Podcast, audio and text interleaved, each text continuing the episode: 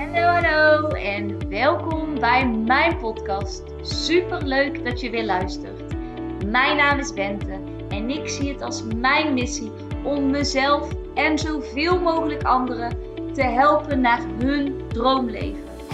In deze podcast heb ik het over hoe je een succesmindset ontwikkelt, wat de wet van aantrekking is, hoe je deze voor je laat werken en hoe jij stappen kunt zetten richting jouw droomleven. Laat jij mij jou inspireren en ga jij mee op reis van persoonlijke ontwikkeling? Let's go Dio!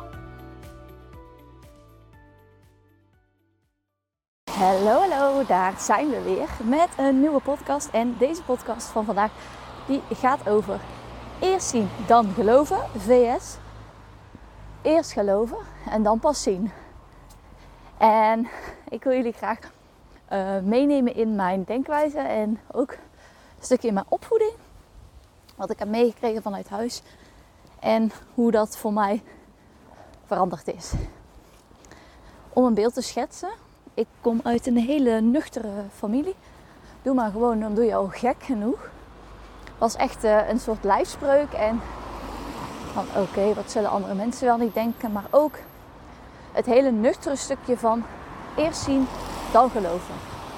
Dus op het moment, ik hou van uitdagingen, op het moment dat ik bijvoorbeeld iets wilde doen, wat, nog niet, wat ik nog niet eerder had gedaan of wat door andere mensen uh, minder werd gedaan, dan was het eerst zien, dan geloven.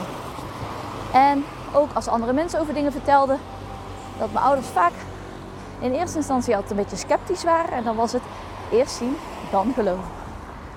En ik heb dat altijd ook overgenomen. En voor mij is het nog steeds tweeledig. Uh, als ik nu naar mezelf kijk, dan zie ik mezelf echt als iemand die met twee voeten op de grond staat. En tegelijkertijd ook gewoon heel veel interesse heeft in hetgeen dat niet voor iedereen toegankelijk is. In spiritualiteit, in uiteindelijk geloof ik dat we allemaal een mate van spiritualiteit in ons hebben. En dat we daar allemaal naar verlangen. Maar goed, in een stukje persoonlijke ontwikkeling, in wet van aantrekking, in energieën en al dat soort dingen. En het lijkt nu heel zwart-wit. Het is niet of het een of het ander. Want ik geloof nog steeds. Ik zal nooit gaan zweven en vooral op mijn meditatiekussentje zitten en zo. Dat weet ik ook gewoon. Ik ben de nuchterheid zelf in combinatie met het andere. En ik geloof ook gewoon, ik heb heel lang gedacht, ik moet daarin een keuze maken. En het is of het een of het ander. Maar zo denk ik niet, niet langer meer. Ik denk dat het allebei naast elkaar kan bestaan. En dat is ook gewoon hoe het leven is. Het is niet of het een of het ander. Het bestaat allemaal naast elkaar. En dat mag ook gewoon. Dat heeft mij uiteindelijk heel veel rust gegeven. Omdat kiezen tussen een van de twee voelde altijd alsof ik dan één deel van mezelf niet echt kon accepteren of er kon laten zijn. Maar gedurende de jaren, maanden, dagen ehm, ben ik wel tot het besef gekomen van eerst zien dan geloven.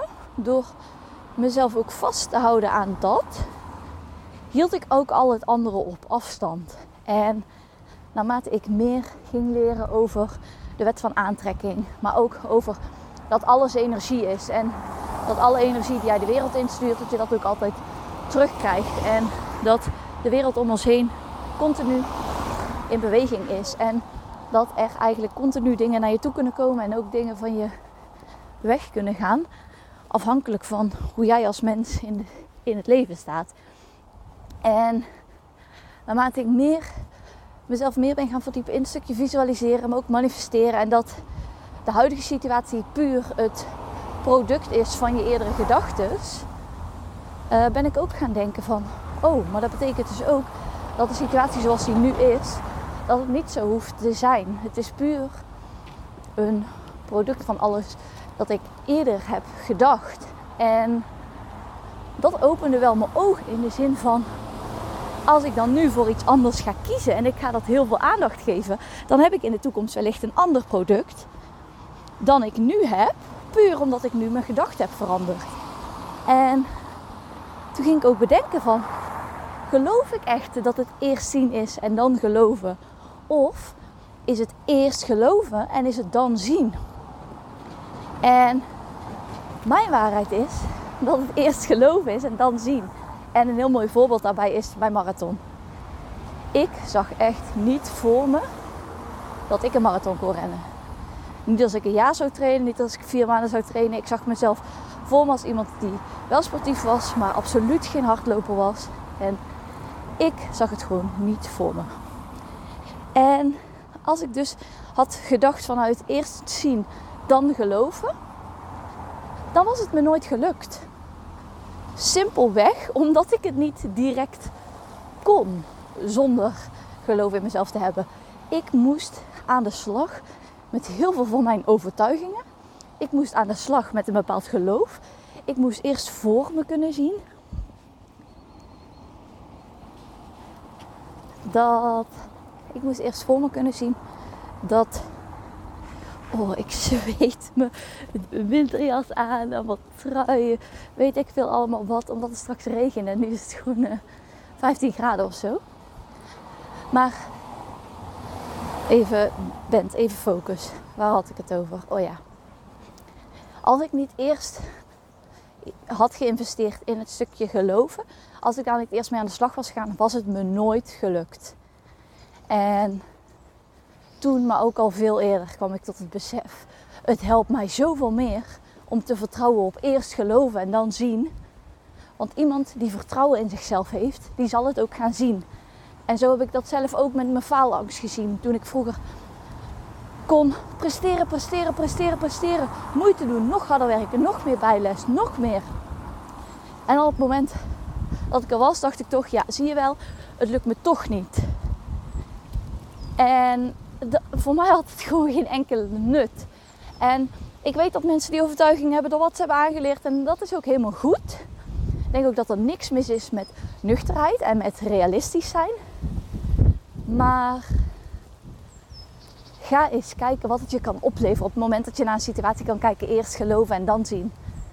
Waar wil jij een resultaat wat je tot nu toe nog niet hebt gehaald? Wat tot nu toe nog niet bereikt is?